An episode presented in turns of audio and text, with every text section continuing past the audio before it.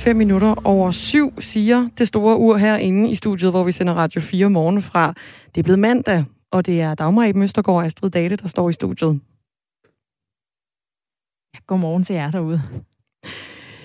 Vi øh, skal blandt andet den her morgen om øh, kring statsoverhoveder. Det er popstjerner, det er fodboldspillere og jamen, kendte og ukendte rigmænd, der gemmer sig i øh, historiens største læk om formuer i skattely. Det er det, der hedder Pandora Papers, som øh, den internationale sammenslutning af undersøgende journalister kan løfte sløret for. Det er det, der hedder ICIJ, et samarbejde, som blandt andet DR og også politikken er en del af. Det er flere end 600 journalister verden over, som i månedsvis har grænsket lækkedes næsten 12 millioner dokumenter, der afslører jamen, gemte formuer i øh, smarte selskabskonstruktioner, som altså gør det ganske vanskeligt for myndighederne at øh, finde ud af, hvem der egentlig er øh, ejere af de her ret så svimlende værdier. Lækket her som blev øh, fortalt om i går blandt andet på, på DR i politikken, jo også her i Danmark i hvert fald, viser, hvordan den tjekkiske premierminister Andrej Babiš, der også øh, er blandt landets rigeste, skjulte købet af et fransk slot til mere end 100 millioner kroner tilbage i år 2009 gennem et øh, selskab i skattely. Og øh, ifølge investigates.eu, et tjekkisk medie, så har Andrej Babiš altså ikke deklareret det her franske slot i offentlige papirer, som øh, tjekkiske politikere ellers ifølge en, øh, en lov skal oplyse om. Det kommer ganske dårligt, det her læg, i hvert fald for Babishes vedkommende, fordi der er valg i Tjekkiet på fredag. Altså om ganske få dage skal han til valg igen. Lægget viser også, at Jordans konge gemmer på en, øh, en kæmpe formue, og så er der også danske spor i den her historie. Det er blandt andet Jyske Bank, som har haft en øh, en ret kontroversiel storkunde, der øh, havde et engagement i banken på 900 millioner kroner. Det er en bilforhandler fra Paraguay, som altså mindst frem til 2018 havde øh, nogle ganske store summer stående i, øh, i Jyske Bank. Det er en historie, vi kigger nærmere på her i øh, løbet af morgenen, og de kommende dage, der vil der også løbende blive frigivet nye historier fra det her læk, og øh, det her nyheder kommer også med, med nye historier. Vi skal også snakke med en om øh, den her sag, det er en øh, journalist, en graverjournalist, som sidder ved politikken, som altså også er en del af, af det her store ICIJ-journalistsamarbejde, som har øh, gravet rundt i de her lækkede dokumenter. Det gør vi på den anden side af øh, et nyhedsoverblik. Det bliver klokken cirka kvart i otte. Han er med her i Radio 4 morgen. Først skal vi øh, omkring Region Hovedstadens øh, sengepladser på hospitalerne.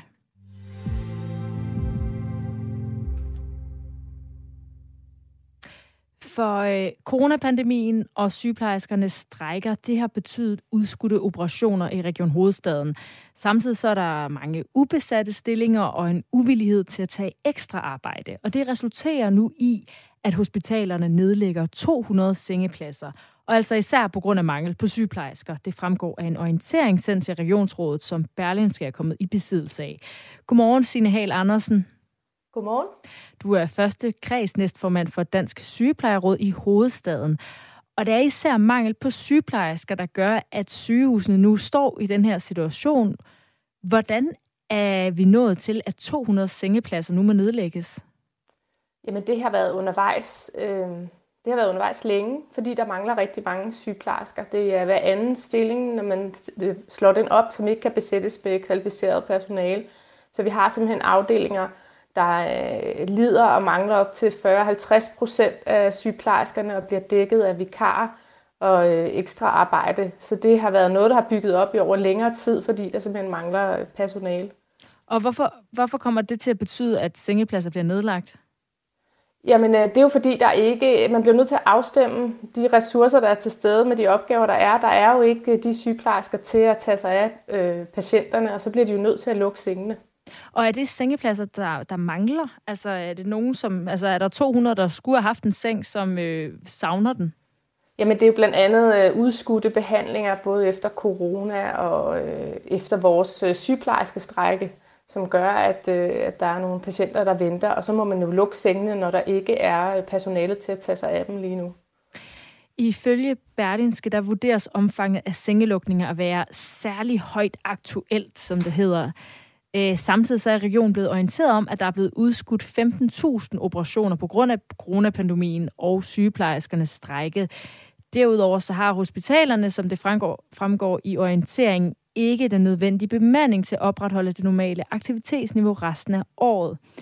Årsagen, som nævnes i orienteringen, er dels, at de tidligere strækkende sygeplejersker skal have ferie afviklet nu, og dels, som øh, tidligere nævnt, de ubesatte sygeplejerskestillinger. Dertil kommer, at der er mindre villighed blandt sygeplejerskerne til at påtage sig ekstra arbejde. Hvad er løsningen, mener du, i forhold til at få løst den her situation, og eventuelt også få de her 200 sengepladser op og køre igen? Jamen, vi har jo en fuldstændig uholdbar situation, hvor vi bruger rigtig mange penge i regionen altså på vikarer og på overarbejde. Og jeg tænker jo, at der er rigtig mange sygeplejersker, der har forladt faget. Vi ved jo konkret, at hver femte sygeplejerske forlader regionen bare inden for et år. Og hvis man brugte nogle af de her penge, øh, der er til stede, eller nogle af de penge, som man beder regeringen om at, at få til at øge sygeplejerskers grundløn, så mener jeg, at det vil være noget af det, der vendte bøtten, som flere sygeplejersker vil, vil blive fadet. Man bliver simpelthen nødt til at stoppe den her spiral, hvor man tror, at sygeplejerskerne kan løse øh, problemerne ved bare at, arbejde ekstra, for det er simpelthen uholdbart, og der er mange nu, der siger, jamen vi kan simpelthen ikke øh, se os i en situation, hvor vi kan holde til mere. I forhold til øh, lønnen, der har der jo været et politisk indgreb, hvor lønnen blev justeret noget, og slet ikke nok ifølge jer. Men skal man ikke finde en anden løsning end lønnen i den her situation? Men selvfølgelig handler det også omkring, øh, hvordan kan man øh, øh få mere indflydelse på sin arbejdstid. Men hvis ikke vi får fastholdt de sygeplejersker, der allerede er på afdelingerne, og der er løn en væsentlig del af det, jamen så får vi ikke løst det her problem. Sygeplejerskerne har gjort opmærksom på det her i overvis. Vi strækkede også i 8. Vi har strækket fem gange siden øh, vi fik vores strækkeret, fordi vi, har, vi mener, at vi har en for, for lavt løn.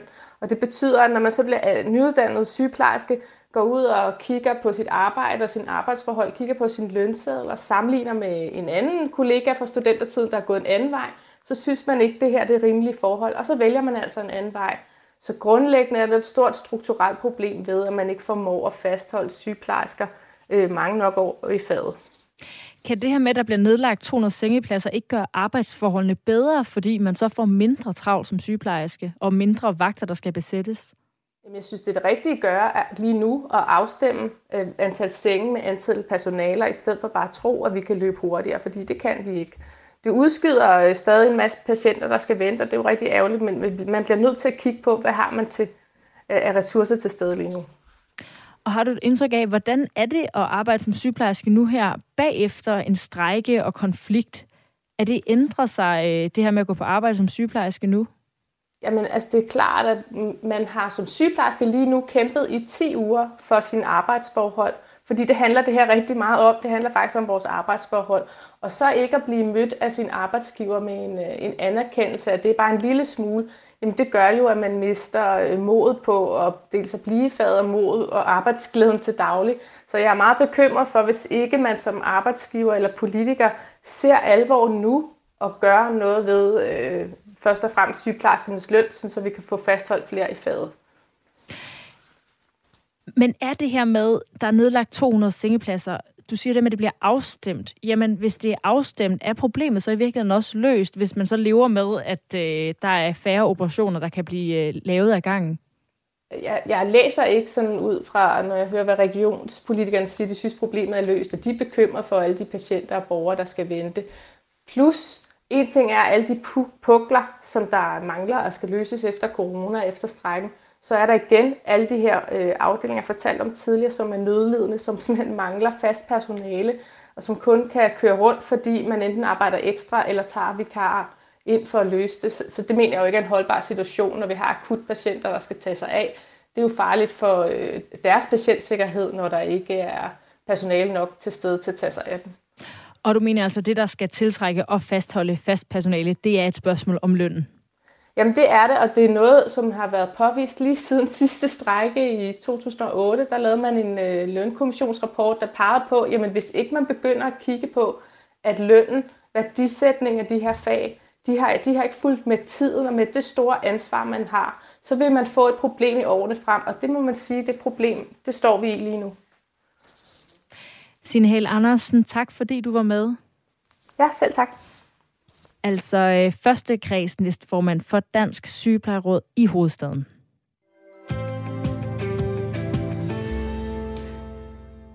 Londons politi, altså det, der hedder Metropolitan Police, de er blevet ramt af en ny skandale.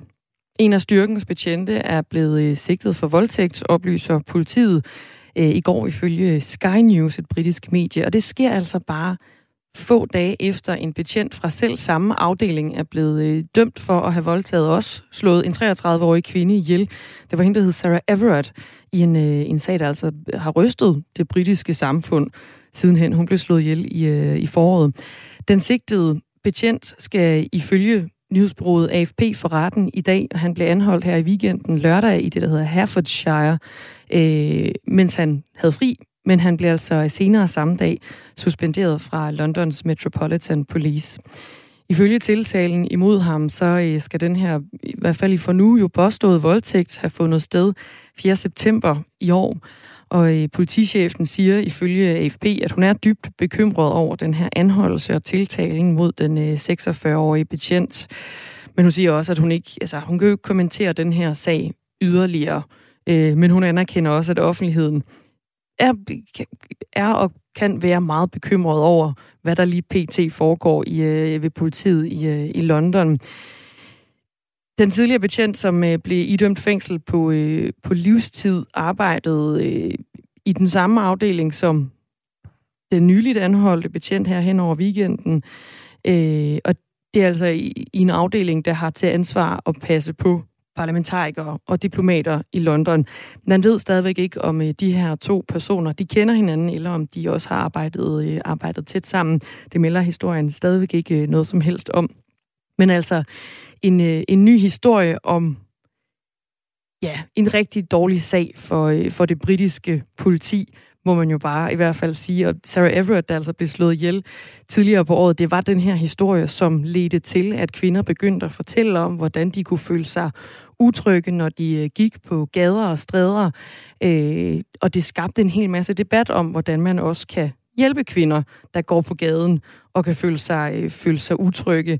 Det har blandt andet også ført til, at øh, politiet i London, altså fra Londons Metropolitan Police, øh, de har efterfølgende rådet kvinder til at for eksempel stoppe passerende busser, hvis de bliver stoppet af betjente, de ikke stoler på.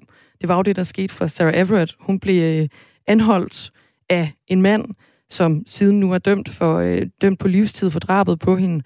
Øh, det var en falsk anholdelse. Han sagde, at øh, hun skulle følge med, men der var faktisk ikke rigtig noget i den anholdelse. Det var noget med nogle coronarestriktioner, hun havde overskrevet, øh, og så skulle hun følge med. Og det var jo lige der i marts måned, hvor corona jo om noget også rasede i øh, jamen, både Danmark og i, i England. Det lyder jo absurd. Hvis øh, du møder en politibetjent, så øh, fang en bus for at føle dig tryg. Ja, det er en vild nok opfordring, den der. Det må man sige. Men så vidt altså en ny, øh, ny skandale i britisk øh, politi i, øh, i London. Klokken den er blevet 18 minutter over syv. Det her det er Radio 4 morgen, du lytter til. Undervisere, der har adfærdsmønster, hvor de systematisk opsøger sexpartner blandt deres studerende, altså undervisere, der lægger an på deres studerende, fordi de gerne vil i seng med dem, eller undervisere, som øh, bliver fysisk grænseoverskridende efter at have drukket alkohol, og phd studerende der oplever sig presset til at tige stille om personlige oplevelser med psykisk nedslidende studie- og vejledningsmiljø, med trusler om begrænsning af altså sådan, karrieremuligheder. Det er nogle eksemplerne på, hvad studerende på Københavns Universitet har oplevet. Her på Radio 4 Morgen, der kan vi i dag fortælle, at antallet af henvendelser til universitetets uafhængige juridiske vejledning om mobning og chikane fra undervisere rettet mod de studerende er fordoblet fra 2019 til 2020. Det fremgår af årsberetningen for sidste år fra universitetets studenterambassadører der i 2013 blev nedsat af ledelsen og bestyrelsen på universitetet for at styrke retssikkerheden for de studerende på Københavns Universitet. Ries Snækkerup, godmorgen. Godmorgen. Vicedirektør for øh, uddannelse ved Københavns Universitet. De her eksempler, vi lige har ridset op på undervisernes opførsel over for de studerende. Hvad tænker du om dem? Jamen, øh, jeg tænker jo, det er øh, nogle øh, øh, lidt øh, alvorlige beskrivelser, øh, og det er da også øh, rigtig øh, uheldigt, øh, at øh, vi har øh, sådan en øh, type af adfærd på Københavns Universitet. Det er altså noget, vi ser øh, rigtig alvorligt på. Øh, men vi har jo siden 2018 faktisk øh, arbejdet på rigtig mange fronter for at skabe øh, en kultur, som øh, bygger på inklusion og respekt, og hvor der samtidig er plads til akademiske diskussioner. Og vi har lavet en række indsatser, både i forhold til studiemiljøet, men også i forhold til arbejdsmiljøet, både for ledere, ansatte og studerende. Mm.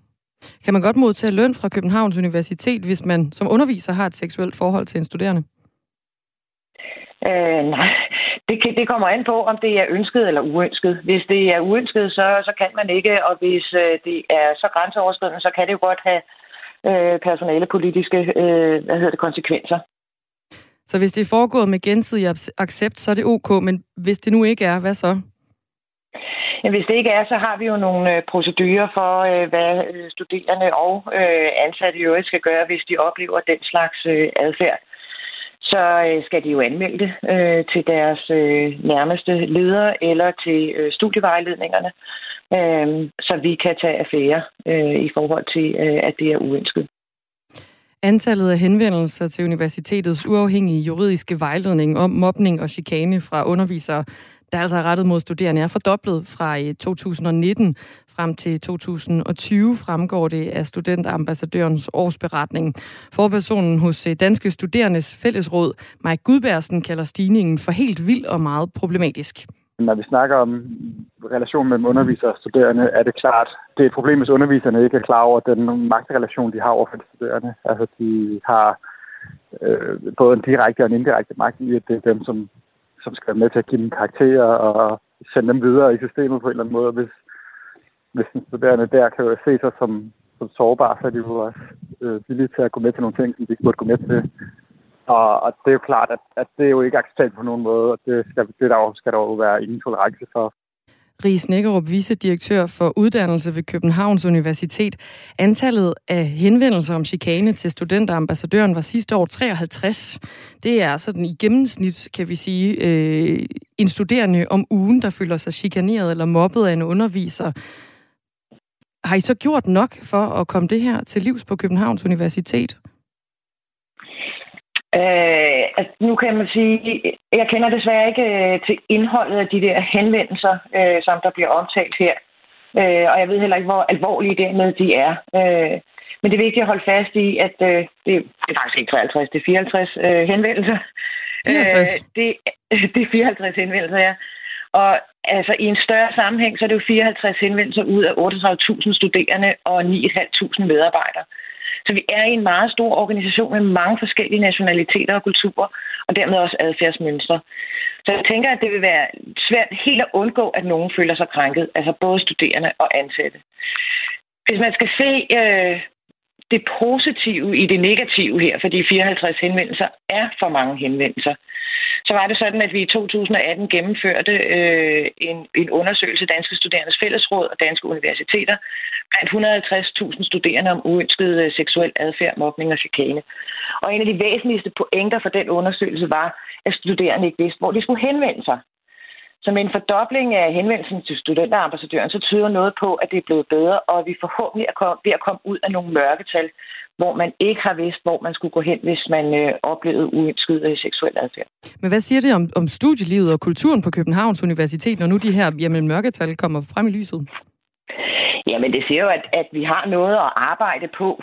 Øh, vi har lært rigtig meget øh, af, af, af den her undersøgelser, og også af de sager, der har været. Og vi har jo øh, gennemført en række indsatser øh, siden øh, 2018 øh, for at komme, øh, kan man sige, øh, den uønskede seksuelle adfærd, mobning og chikane eller krænkelser i det hele taget øh, til livs. Men det er, øh, det er, der er ikke nogen quick fixes her. Øh, jeg tror, det er, man skal holde fast i, at det er et vedvarende arbejde, og det er et vedvarende arbejde i også at ændre øh, en kultur, så alle kan omgås øh, respektfuldt øh, øh, med hinanden. Mm. Københavns Universitet har jo tidligere fået opmærksomhed for forskellige tiltag og episoder relateret til øh, grænseoverskridende adfærd. I 2018 der indførte universitetet et nyt sæt retningslinjer, hvor det fremgår, at der er nul tolerance over for blandt andet krænkelser af seksuel karakter. Året efter der blev universitetet dømt af ligebehandlingsnævnet, efter en underviser havde benyttet sig af kvindefornedrende og krænkende eksempler i sin, i sin undervisning. Det her det har været undervejs, kan man sige, i nogle år, hvor der har været fokus på det her på Københavns Universitet. Hvorfor er det så stadig så stort et problem? Jamen, som sagt, så tror jeg, at det er øh, en, en, øh, en stor kulturændring, vi er i gang med. Øh, og vi skal blive ved med at holde fokus på det, sådan så at øh, studerende og ansatte for den sags skyld også tør at stå frem og, og sige fra over for øh, adfærd, som, øh, som ikke er i orden. Øh, og, og vi skal blive ved med at arbejde med alle de indsatser, vi sådan set har sat i gang allerede. Øh, vi har arbejdet øh, meget målrettet på at øge kendskabet til, hvordan øh, studerende og ansatte kan medvirke til at forebygge og krænke øh, øh, eller forebygge og håndtere krænkende handlinger. Øh, vi har etableret Code of Conduct i forbindelse med studiestarten. Flere fakulteter har arbejdet med tryghedstutorer og en tryg studiestart. Og øh, der er også etableret uddannelse for tutorer og frivillige øh, i forhold til studiestarten, for eksempel øh, i, i, med øh, ubevidst øh, diskriminationspraksis. Og derudover så har vi haft fokus på, og det er jo 2019 og 2020, øh, fokus på at opkvalificere ledelsen øh, og arbejdsmiljø- og tillidsrepræsentanter og studievejledere som særlige ressourcepersoner til at forebygge og håndtere krænkende handlinger. Men Ries Snækkerup, med alt det fokus, I har haft på det, burde det tal så ikke være lavere? Nej, det tænker jeg ikke. Jeg, jeg, jeg tror, at en, til en start, så vil man faktisk opleve, at tallet bliver højere.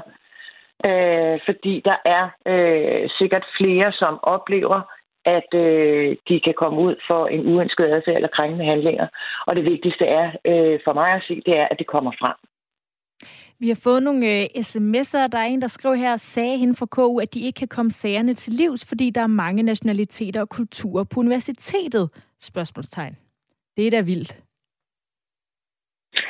Jeg tror ikke, vi, kan, vi arbejder på at komme det til livs.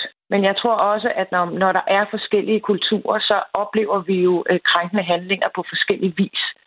Så, så jeg tror, det er, er øh, øh, ikke helt... Øh, altså, alt det, som er i, i, i øh, med, med de helt stærke sager, altså der, hvor der er voldtægt eller øh, øh, øh, øh etnisk diskrimination osv., det skal vi jo til livs, fordi det må bare ikke finde sted på Københavns Universitet. Men så er der også en masse andre sager, hvor øh, studerende eller ansat kan blive i tvivl om, hvorvidt de har oplevet en krænkende handling. Og det er det, de jo også skal blive Øh, altså, vi skal hjælpe med at sige, jamen, øh, hvordan kan vi komme ind, hvordan kan vi få en ordentlig og respektfuld tone og en ordentlig og respektfuld kultur på Københavns Universitet. Der er også en besked mere fra Jon, vil lige hurtigt nå her til sidst. Øh, på de, langt de fleste almindelige arbejdspladser er det i dag ikke okay, at chefer har seksuelle forhold til ansatte, skriver han. Men hvorfor tillader universitetet overhovedet, at undervisere, der jo har et magtforhold til de studerende, kan have seksuelle forhold til dem? Jamen, vi tillader det jo heller ikke. Øh, vi tillader ikke, at man har et seksuelt forhold, med mindre at begge parter ønsker det. Men, men så tillader I det vel også? Altså, vi kan, vi, kan jo ikke, vi kan jo ikke forbyde, hvis der er to mennesker, som forelsker sig hinanden. Nej, men jeg tænker, måske Jon henviser til sådan noget med, at, øh, at så skal man jo, altså der er nogen, hvor de tænker, at så skal man ikke sidde på samme afdeling, altså så skal man øh, skifte arbejdsplads simpelthen, hvis man skal have et, øh, et forhold til en. Ja, og, og øh, det, det kan vi ikke kontrollere. Så hvis der er nogen, der, der, der har et øh, seksuelt forhold, som de ønsker, øh, og begge parter ønsker det, så øh, kan vi jo ikke kontrollere og sige, at, at det, det skal de ikke have. Må man også godt gøre det, selvom man er jamen, umiddelbart studerende under den, for eksempel professor, man har et seksuelt forhold til, og går til jamen, undervisning hos vedkommende? Altså, vi har ikke regler for det. Tak fordi du også øh, lige fik øh, sms'erne med, øh, spørgsmålene med her. Selv tak. Det var Ries Snækkerup, vi snakkede med her, vicedirektør for uddannelse ved Københavns Universitet, som øh, altså har oplevet en, øh, jamen, næsten en fordobling i antallet af øh, henvendelser om chikane og mobning fra undervisere og så til de studerende. Det er noget, som en øh, årsberetning viser fra det, der hedder Studenterambassadørerne, som er en, en juridisk øh, rådgivning ved, øh, ved universitetet. Lige om lidt er der nyheder, og bagefter så skal vi øh, lige omkring igen den her snot og snue og ondt i halsen, som har fået været øh, virkeligheden for rigtig mange af os. Men hvorfor er så mange syge? Det spørgsmål stiller vi en praktiserende læge. Nu er klokken halv otte, og der er et nyhedsoverblik.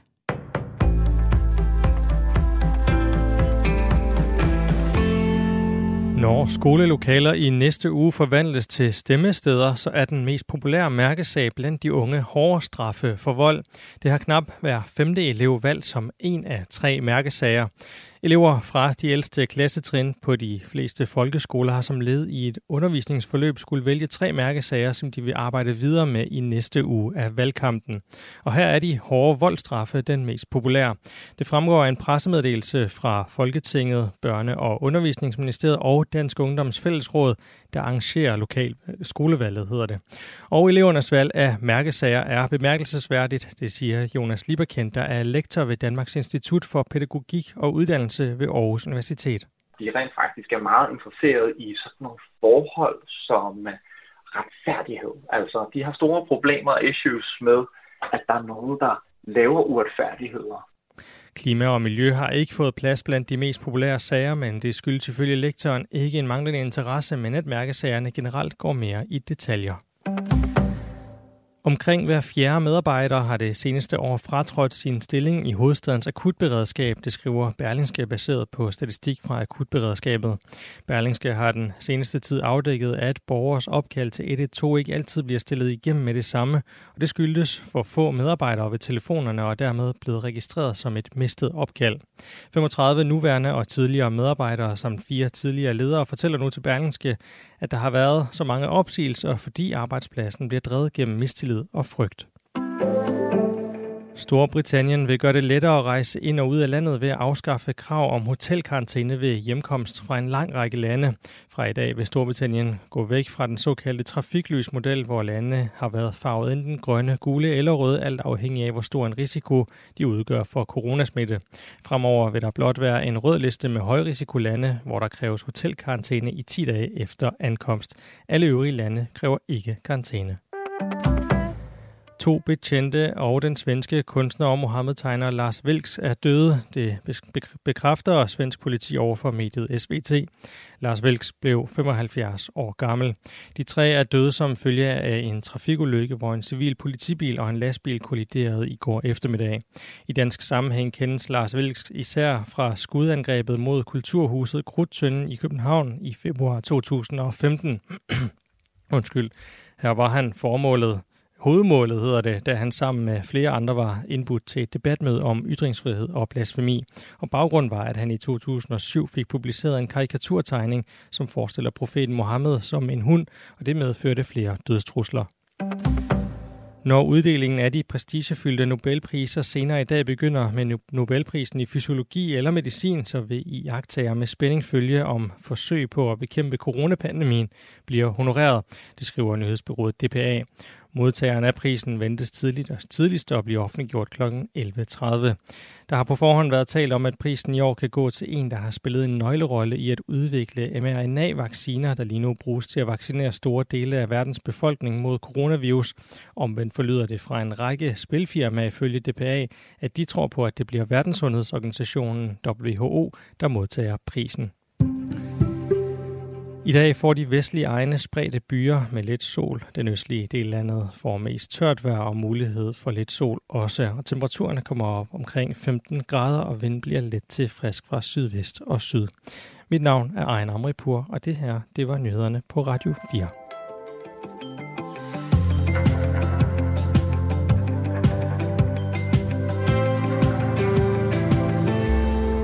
Godmorgen. Det her det er Radio 4 Morgen, du har tændt for på en mandag.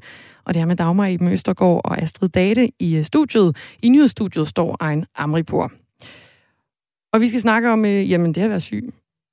Ja, vi havde det øh, lidt i morges med øh, vagttelefonen, som øh, bliver kimet ned, fordi man har snot og snue, og de tænker, det er ikke alle, der behøver at ringe ind, fordi altså, hvis man er forkølet, så... Øh, så klarer man den nok. Men der er jo mange bekymrede, især, tænker jeg også, når man har børn og så videre, der gerne lige vil være sikker på, at, øh, at, at guldklumpen er okay. Ja, og ja. også øh, når det kommer på bagkanten af corona, så er spørgsmålet også, øh, Altså, kan måske man... blive lidt ekstra nervøs. Ja, så kan man blive lidt ekstra nervøs for sådan en uh, forkølelse. Efter halvandet år, altså uden stort set anden sygdom end coronavirus, så er der altså rigtig, rigtig mange forskellige former for øh, virus, der florerer lige nu, og som sørger for at holde danskerne hjemme under dynen. Vi er ekstra sårbare efter corona. Anders Beik, godmorgen. Godmorgen, godmorgen. Praktiserende læge, og så er du også netop afgået formand for dansk selskab for almen medicin. Hvorfor er så mange syge lige nu? Jamen, det, øh, man kan sammenligne det med at komme rigtig grundigt ud af form. Man kan sige, at vores immunforsvar, det har ikke været trænet i halvandet år, så, øh, og nu skal vi så ligesom til at løbe det i gang igen. Så, så vi, er, vi er i dårlig form i forhold til at forsvare os over for alle de sædvanlige viruser, vi kender fra vintersæsonen. Og de kommer altså meget tidligt, endda i sensommeren, og begynder at inficere os alle sammen. Og vi skal, ligesom, vi skal ligesom alle sammen smittes igen. Vi skal bare helst ikke smittes alle sammen på én gang. Og der er jo øh, tryk på hos, øh, hos, hos vagtlægen. Hvad er det, der bliver oplevet der? Jamen, jeg tror ikke kun det er hos vagtlægen, det er hele sundhedsvæsenet. Vi er også ude af form, når det gælder det der med at vurdere, hvordan er det nu egentlig, man gør, når man bliver forkølet, ser det ud til. Så rigtig mange flere, end der plejer, ringer om ting, som man tænker er uskyldige, og som de måske før vurderede selv. Øh, så det er allerede hos egen læge, det starter, og der kan det så være måske svært at komme igennem, og så tænker man, og så kan det være, at jeg bruger vagtlægen i stedet for. Og det er virkelig en dårlig idé, for på den måde, så ødelægger man jo vagtlægen i den forstand, at det er jo til akutte henvendelser. Ikke også? Man skal kun henvende sig, hvis man virkelig er i tvivl om, at man kan få vejret eller er alvorligt syg. Ikke også? Så i hvad for nogle tilfælde skal man ikke ringe til vagtlægen? Jamen altså, man skal prøve at mindes, hvordan det var at have en almindelig luftvejsinfektion, hvor man kan have feber, ondt i halsen og snot i næsen og trykken for bihulerne og også noget hoste selvfølgelig. Ikke? Også det, man skal reagere på, det er jo, hvis man føler sig rigtig dårlig, øh, langt ud over, hvad man har prøvet før, og hvis man ikke kan få vejret, så skal man selvfølgelig også øh, ringe til nogen, og synes, hvis man synes, det bliver vanskeligt at trække vejret. Det kan jo. Der er jo også en hel del, der får en lungebetændelse oveni, og det er så især dem, man kan sige, der måske i virkeligheden har nogle andre sygdomme samtidig, noget kol eller noget astma og sådan noget. Det, det, det er ligesom om, at de, de er også kommet ud af form, så de, de bliver mere syge, end de gjorde før, også af en almindelig luftvejsinfektion. Mm. Vi talte tidligere på morgenen om, hvor presset de er ved øh, lægevagten. Det gjorde vi med Marianne Mørk Mathisen, som er vagtlæge tilknyttet i øh, Region Syddanmark, og i øvrigt også regionsrådsmedlem i samme øh, område det er simpelthen, vi har så travlt. Øh, man ligger, man kan helt, vi har hele tiden 60-70 stykker i rør, der venter på at komme igennem.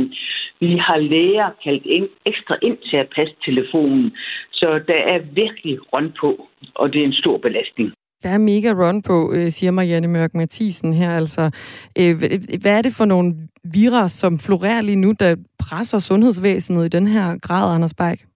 Jamen, altså, det startede jo allerede i sensommeren med, øh, med RS-virusen, som er sådan en virus, som vi godt ved er lidt værre end en almindelig øh, forkølelse og den slags, fordi de, det sætter sig lidt længere ned i luftvejene, og man får sådan en, en grim hoste, som kan stå på noget tid. Men altså, det er helt usædvanligt, så mange RS-smittede der er, både børn og voksne. Øh, øh og det, det ligger ligesom en bund. Og så der oveni kommer nu alle de almindelige forkølelsesvirer, vi kender. Øh, det er også parainfluenza, influenza, altså nogle almindelige viruser, som kommer i omløb. Ikke, ikke influenza som epidemi, fordi det, det øh, øh frygter vi jo, at der kommer en influenzaepidemi også, og derfor så mm. vaccinerer vi bredere, end vi plejer. Men altså, det er mange forskellige. Men RS-virusen, den lagde ligesom bunden, og den er ikke færdig med at smitte endnu, og den kan altså godt holde ved nogle måneder endnu. Det, man skal huske, når man øh, bliver smittet med sådan en luftfartsinfektion, det er selvfølgelig, hvordan er det nu, jeg plejer at reagere, altså før covid-tiden. Øh, man skal også huske at lade sig teste for covid, fordi der er jo stadigvæk covid-tilfælde imellem, så det er så meget vigtigt, at hvis man bliver øh, hvis man får hoste, forkølelse, så skal man lade sig øh, covid-teste, fordi det kan jo være, at man senere efter nogle dage får brug for faktisk at øh, snakke med sin læge. Og hvis man skal undersøge, så skal man altså stadig være covid-testet. Øh, og så skal man huske de gode regler, vi har lært, nemlig hoste i ærmet og holde afstand og god håndhygiejne. Så kan vi sprede smitten ud, så vi ikke alle sammen bliver smittet på én gang. Fordi det, det, det er det, der er problemet. Der er for mange smittet på én gang. Vi skal sådan set alle sammen smittes, vi skal bare ikke smittes på én gang. Mm. Og hvad, altså, ja, apropos det her med at blive smittet alle sammen på en gang, det er måske ikke ja. det, der er løsningen fremadrettet nu, Anders Beik, men hvad, hvad kan vi i bund og grund gøre ved den situation, vi står i lige nu, med en masse virer, der florerer, og et presset sundhedsvæsen? Jamen, jeg synes, det er, det er vigtigt at, hoste, øh, at øh, man, man husker, at øh, man, øh, når man har symptomerne, så skal man altså opføre sig lidt ligesom vi gjorde under covid, nemlig at holde afstand, hvis man har symptomer altså. Holde afstand til andre, hoste ned i ærmet, god håndhygiejne som sagt, og så blive hjemme, hvis man er febersyg, så man ikke smitter alle omkring sig.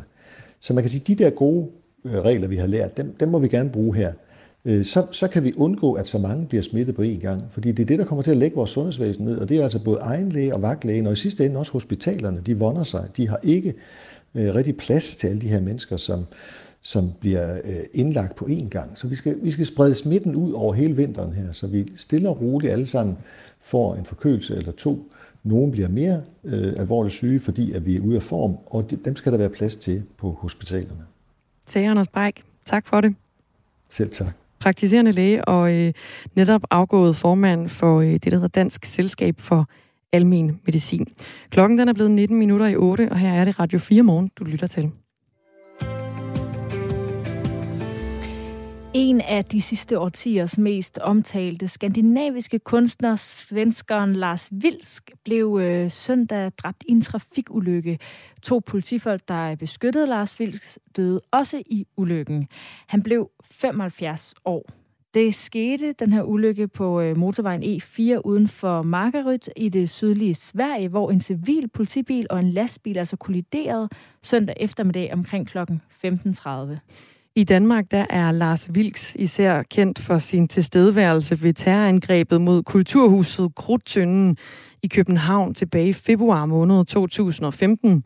Her var Vilks sammen med flere andre indbudt til et debatmøde om ytringsfrihed og om blasfemi, og den øh, danske filmmager Finn Nørgaard blev øh, dræbt ved øh, den her lejlighed. Og senere på natten blev også en sikkerhedsvagt ved synagogen i Krystalgade, Dan Usan, dræbt af skud. Lars Vilks har selv udtalt, at han formentlig var målet for øh, angrebet her imod øh, Grudtynden. Og øh, han er jo også kendt for en karikaturtegning.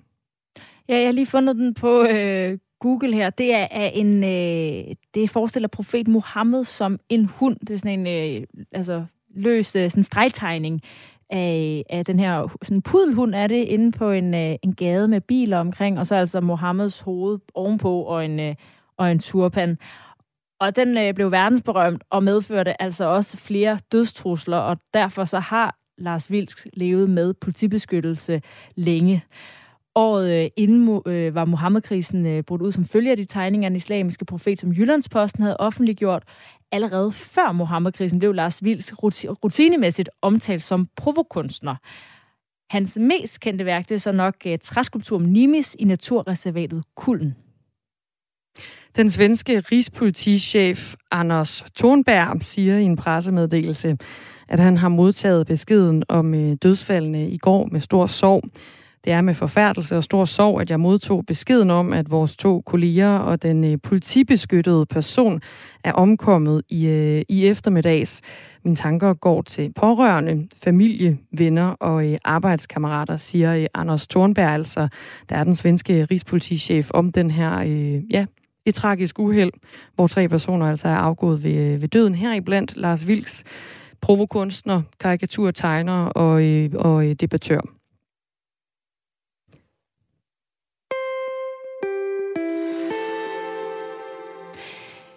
Vi har tidligere hørt om øh, Panama Papers og Paradise Papers, der begge afslørede øh, international skattesvindel. Og nu kommer altså øh, Pandoras æske igen med tredje ryg af afsløringer i det, der så hedder Pandora Papers.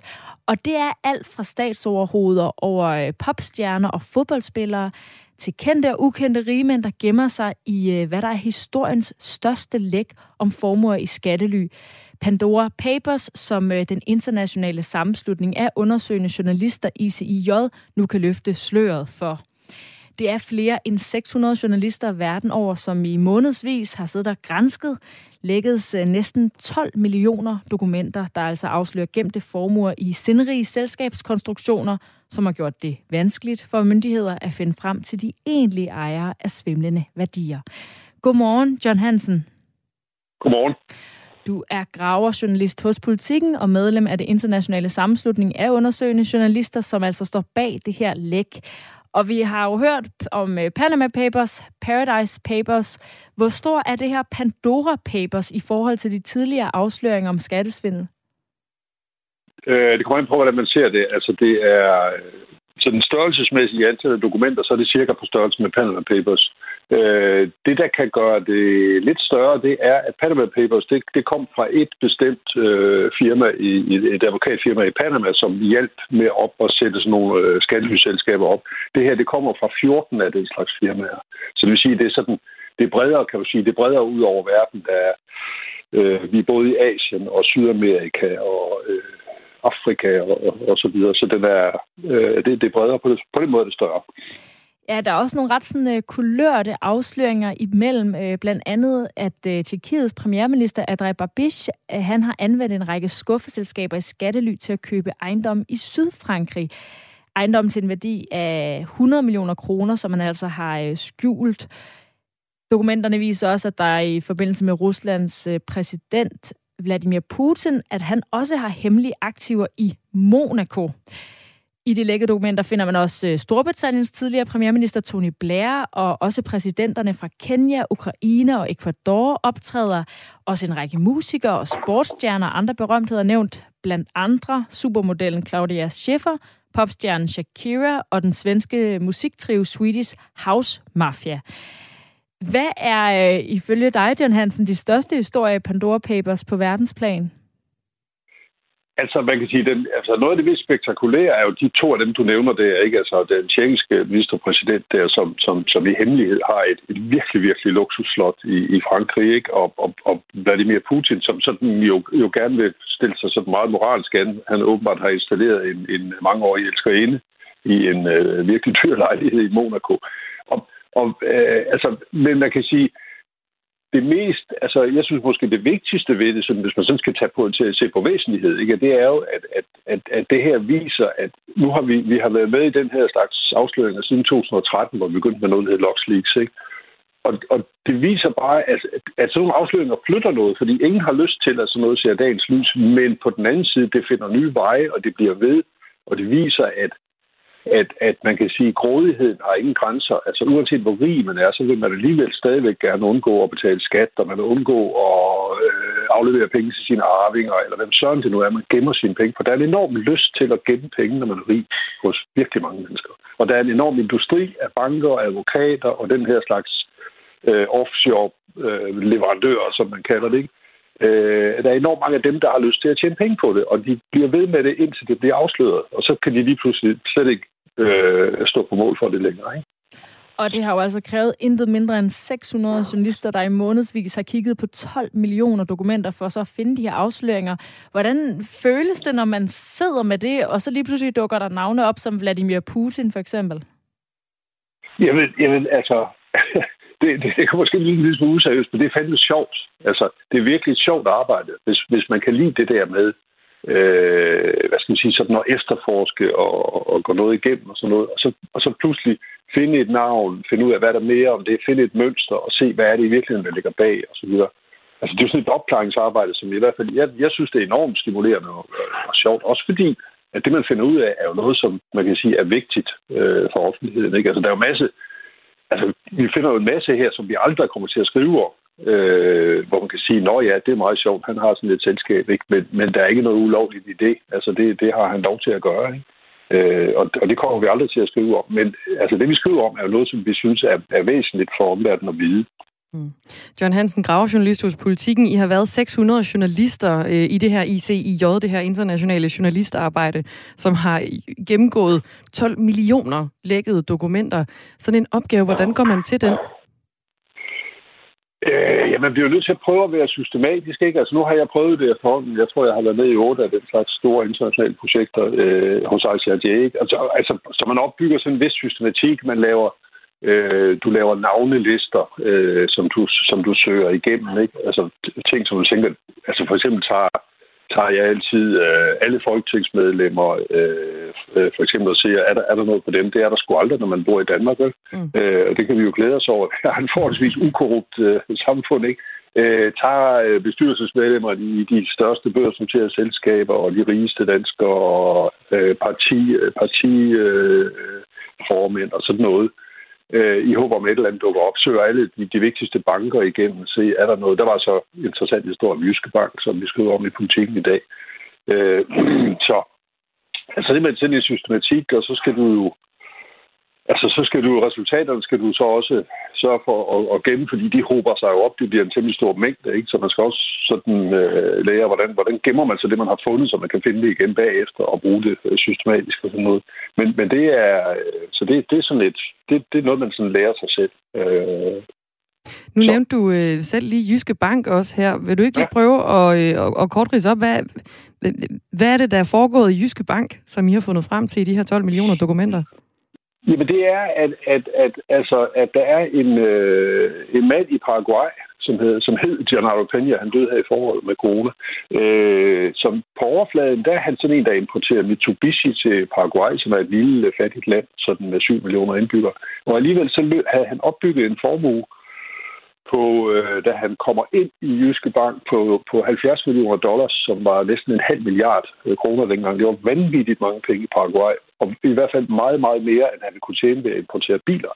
Øh, derfor er det meget mystisk, hvad er det for øh, nogle penge her? Og dem anbringer han så i, øh, i Jyske Bank i Schweiz. Og, og det, som, øh, det, som der så er nogle eksperter, der, der, der, der siger det her, det, det er, at det her det det vil simpelthen, altså det, at det ser meget mærkeligt ud, og det vil kræve nogle virkelig grundige undersøgelser af, hvor kommer de penge fra? Hvorfor skal de flyttes, gemmes i en bank øh, så langt væk? Fordi han har gemt dem i, i, i, øh, på de britiske områder og i Panama, og, så, og de selskaber, han havde der, havde så konto i Jyske Bank, så ingen ville kunne finde ud af, at det var hans penge, hvis de prøvede at, at lede efter det. Øh, og, og, og derfor er der så nogle eksperter, der siger, at det er meget kontroversielt, at Jyske Bank vælger at have sådan en kunde. Øh, vi kan så ikke sige, at Jyske Bank ikke havde gjort det, det de skulle, fordi øh, og de vil ikke selv svare på, om de har gjort det, fordi de må ikke udtale sig om deres kunder. Øh, så derfor så siger de bare sådan generelt, at, at jamen, det gjorde vi altid. Vi ved så fra tidligere afsløringer, det gjorde Jyske Bank bestemt ikke altid. Altså deres afdeling i Schweiz er blevet afsløret i at hjælpe med at snyde i skat. Deres afdeling i Gibraltar øh, havde også mange øh, skandalsager. Så Øh, og vi ved, at de, de var på turné på det tidspunkt, hvor ham her han kom ind i banken i 2005. Der var Jyske Bank på turné i Panama øh, for at hente den her slags kunder. Øh, så ja, så vi synes bare, det er interessant at bringe frem, at en dansk bank har, har ageret på den måde i masservis af år. Øh, så det synes jeg er lidt vigtigt. Og det, der er i den sag, det er, at det lugter lidt, at den har været brugt til hvidvask i, af de her penge fra den par, paraguayanske rigmand. Ja, det gør det, og, og, det, og det er også meget fordi, altså Paraguay er et af de mest korrupte lande i hele verden, og det var endnu værre, mens ham her han opbyggede sin formue frem mod 2005, fordi der var i en masse år, der var Paraguay ledet af en, en militærdiktator, der hed Strøsner. Øh, og der var det, altså, der kunne man blive rig på mange, øh, på mange øh, dårlige måder øh, ved at, at, at støtte det her diktatur. Øh, og og det, det kan jo være en af, en af de mulige forklaringer øh, på, hvordan den her formue er bygget op. Øh, og, ja, og, og det kan være, ja, det kan være hvidvask, og det kan være skatteunddragelse. Øh, det, ved vi, det ved vi ikke. Kan sådan nogle oplysninger, når de kommer frem nu her, kan det, altså, kan det få nogle konsekvenser for Jyske Bank? Øh, det, det tror jeg ikke, det får. Altså, øh, der, der er jo ikke noget, altså, der er familie ikke noget, man kan komme efter dem med. Altså, en gang imellem, så får de besøg af finanstilsynet, og så får de at vide, at øh, det fik de sidste, de havde besøg af i 2020, og fik de at vide, at deres overvågning af sådan nogle penge her ikke er helt god nok, og det tror jeg langt de fleste banker engang imellem får at vide. Vi ved fra, fra tidligere, altså for eksempel, Nordea, som spillede en meget uheldig rolle i Panama Papers, de, de mistede virkelig mange kunder på det, og du ser øh, det, som sker for, for Danske Bank efter, at Berlingske afslører den her hvidvaskskandale. De har, altså Danske Bank har virkelig, virkelig mistet kunder. Øh, både privatkunder og også erhvervskunder, fordi, du ved, navnet begynder at, at lyde, at have en forkert klang, ikke? Så, men jeg tror ikke, det, jeg tror ikke, det her er, er nok til, at, at det kommer til at, at, at skade Jyske Bank sådan på, på alvor. Det tror jeg ikke. Du tænker ikke, de skal frygte for øh, kunder, der forsvinder? Nej, det, det, det, det tror jeg er marginalt, fordi altså, som sagt, vi har jo ikke, vi har jo ikke øh, hvad skal man sige, vi har ikke påvist, at de har gjort noget galt. Vi har bare sagt, at de havde en, en, øh, de havde en kunde, som de måske ikke burde have haft, øh, og vi, vi kan ikke Vi kan ikke vide, hvad det var for nogle penge, men det, det var bare nogle penge, der så virkelig underlige ud. Og og hvad med de andre virksomheder og personer, der er nævnt i Pandora Papers? Hvad, hvad sker der nu? Øh, altså, hvad er det for nogle konsekvenser, de får, når der kommer de her afsløringer? Jamen, altså, der sker, altså, hver gang vi har lavet sådan en her, så, så går der jo i, øh, i, i en masse lande, går der jo nogle myndigheder i gang med at rejse nogle sager. Altså, øh, i, i Danmark er vi, vi er stadigvæk ikke, der er skattemyndighederne stadigvæk ikke færdige med at køre de sager, der blev udløst af, af Panama Papers, øh, hvor man altså simpelthen fik nogle navne, og så øh, kom efter dem, fordi de ikke havde betalt skat. Og sådan er det øh, altså over en, en, en masse lande over hele verden, og så går der sådan nogle sager i gang, fordi myndighederne de sidder og kigger på det her, øh, når vi offentliggør det. Ikke? Og så kan de... Øh, så må de jo prøve at gå efter de oplysninger, som vi offentliggør. De får jo ikke adgang til, øh, til de dokumenter, vi har, men øh, de må jo nøjes med det, vi offentliggør. Og det, det, det er tit nok til, at vi har rejst masser af sager. Og nu har vi haft øh, Panama Papers og Paradise Papers og Pandora Papers. Hvad, hvad skal den næste store afsløring så hedde? Man kunne gætte på, at det var noget med P, men, ja. men, øh, men jeg ved ikke, for det kommer an på, hvad, hvad det handler om. Altså, øh, altså vi har haft... At de fleste af dem må indrømme, de har handlet om skattely, men vi havde også et, et øh, tidligere, som handlede om øh, svaghed med medicinsk udstyr og sådan noget. Så det, så det, er ikke, det behøver ikke alt sammen at handle om skattely, men øh, hvad den kommer til at hedde, det ved jeg ikke, og jeg ved heller ikke, hvornår den kommer. Men kommer vi til at se øh, flere afsløringer, tror du? Også i skattely? Ja, helt, helt sikkert. Helt sikkert, fordi det, det, det bliver ved, og, og, og der er jo Altså, det kan man se. Altså, der er, jo, der er jo flere og flere af det, man sådan kalder whistleblowers, altså som nogen, som ved noget, som de synes, offentligheden burde kende til, og at det er jo blevet mere og mere, altså når der er en organisation som, som ICIJ, øh, så, kan, så, så kan sådan nogle whistleblower jo se, at, at der er et sted, hvor du sikkert kan aflevere dine oplysninger, uden du selv øh, bliver øh, afsløret. Og du kan se, at det får en kolossal effekt, øh, i og med, at det kommer ud over hele verden øh, på, på én gang. Så, så, og, det, og det er jo også blevet nemmere at være whistleblower. Altså, det er nemmere at aflevere. Altså, forestil dig, hvis du fysisk skulle aflevere næsten 12 millioner dokumenter. Det kunne, så ville du vække nogen opsigt, når du kom kørende med din lastbil. Ikke? Men nu kan du gøre det på... Øh, nu kan det jo ligge på en, en harddisk, som du kan have i lommen. Ikke? Øh, så det er også nemmere at, at, at, at, at fragte sådan nogle oplysninger og bringe dem ud fra en eller anden virksomhed, eller hvor de nu kommer fra. Ikke? Så, så det, det er jeg helt sikker på. Det, det kommer der mere af. Tak for det, John Hansen. Selv tak graverjournalist hos Politiken. Og øh, der er jo en af de her personer, som er blevet afsløret i det her læk, som allerede er blevet konfronteret. Det er øh, en journalist fra BBC, som har forsøgt at konfrontere Andrej Babiš, som altså er øh, den tjekkiske premierminister, der ifølge de her lækkede dokumenter har et øh, meget stort, meget flot fransk slot til mere end 100 millioner kroner, som han øh, købt igennem skattely tilbage i øh, 2009. Øh, BBC har forsøgt at, at konfrontere André Babish, og det lød altså i cirka sådan her. So we'd like to ask you about your uh, your properties in France. Why you use an offshore company to buy them, and why you didn't declare them? Hey, sir. What do you do? Mr. Babish, sir. I'm. Vi vil gerne øh, spørge dig ind til din ejendomme i Frankrig. Hvorfor har du brugt en offshore virksomhed til at købe dem, og hvorfor har du ikke deklareret dem, spørger øh, BBC-journalisten her. Og så bliver journalisten faktisk skubbet af en af Babishes folk, når han øh, stiller det her, det her spørgsmål. Det er sådan en lille sekvens på omkring et minut, hvor de altså render efter Babish og forsøger at, at stille spørgsmål ind til især den her ejendom, i, eller de her ejendom, han, han har i Frankrig, og det her slot. Til sidst så reagerer Babish også og siger følgende. Uh, you are following me whole day without uh, without asking me for we permission. Did ask, Mr. Babish. No, no, Mr. you Babish, didn't. why did you not declare the companies you used to uh, you, buy your you, properties? You, you didn't ask me. You didn't ask. We did, Mr. Yeah. Mr. Okay. Babish. Bye. Mr. Babish, we'd like to ask you why you sent your uh, money through such a complicated route to buy your properties. Ja, I følger efter mig hele dagen uden at spørge om tilladelse, siger den tjekkiske premierminister altså her. Og så spørger øh, journalisten igen ind til de her konstruktioner omkring de franske ejendomme, som øh, premierministeren har. Man altså uden at, øh, ja, uden at få et svar. Jeg, altså, man kan jo godt forstå, at han afviger her, hvis, øh, hvis der altså ligger nogle, nogle helt øh, benhårde beviser, som det her journalistsamarbejde, internationale journalistsamarbejde, har, øh, har gravet frem, det der hedder ICIJ. Det kommer på et rigtig, rigtig dårligt tidspunkt, det her for øh, André Babiš, fordi øh, der er jo valg i Tjekkiet. Det er på fredag. Uh. Dårlig timing. Au, au, au. Ja, det må man sige. Ærgerlig, ærgerlig timing. Men altså 600 journalister, 12 millioner lækkede dokumenter, som øh, de har gennemgået. Det kræver altså en eller anden form for ja, struktur, som John Hansen han jo i hvert fald også fik, øh, fik udlagt her i vores, øh, vores snak med ham.